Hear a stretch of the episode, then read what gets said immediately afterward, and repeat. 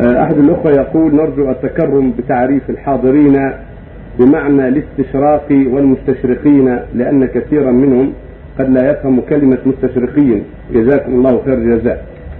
الاشراق والمستشرقين هؤلاء ناس من النصارى ومن اليهود ومن غيرهم من الكفرة تعلموا لغة الشرق تعلموا اللغة العربية وكتبوا عن الإسلام وعن الأديان.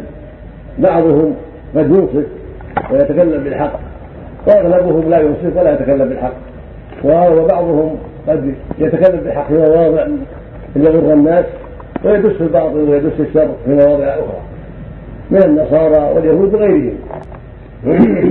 لدخولهم إلى الشر وأخذهم بلغة الشر ودراستهم أحوال الشر وما كان عليه الشر من دين وهدى حتى يخرجوهم عن دينهم وحتى يشككوهم في دينهم.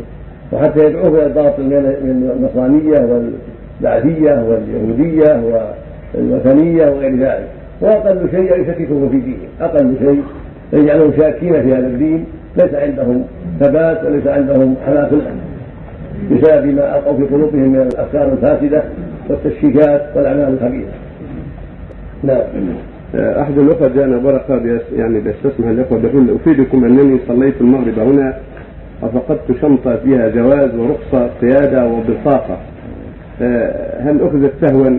وأرجو من أخذها أن يعيدها المسؤولين بالمسجد. عند الباب هذا عند الباب عند الباب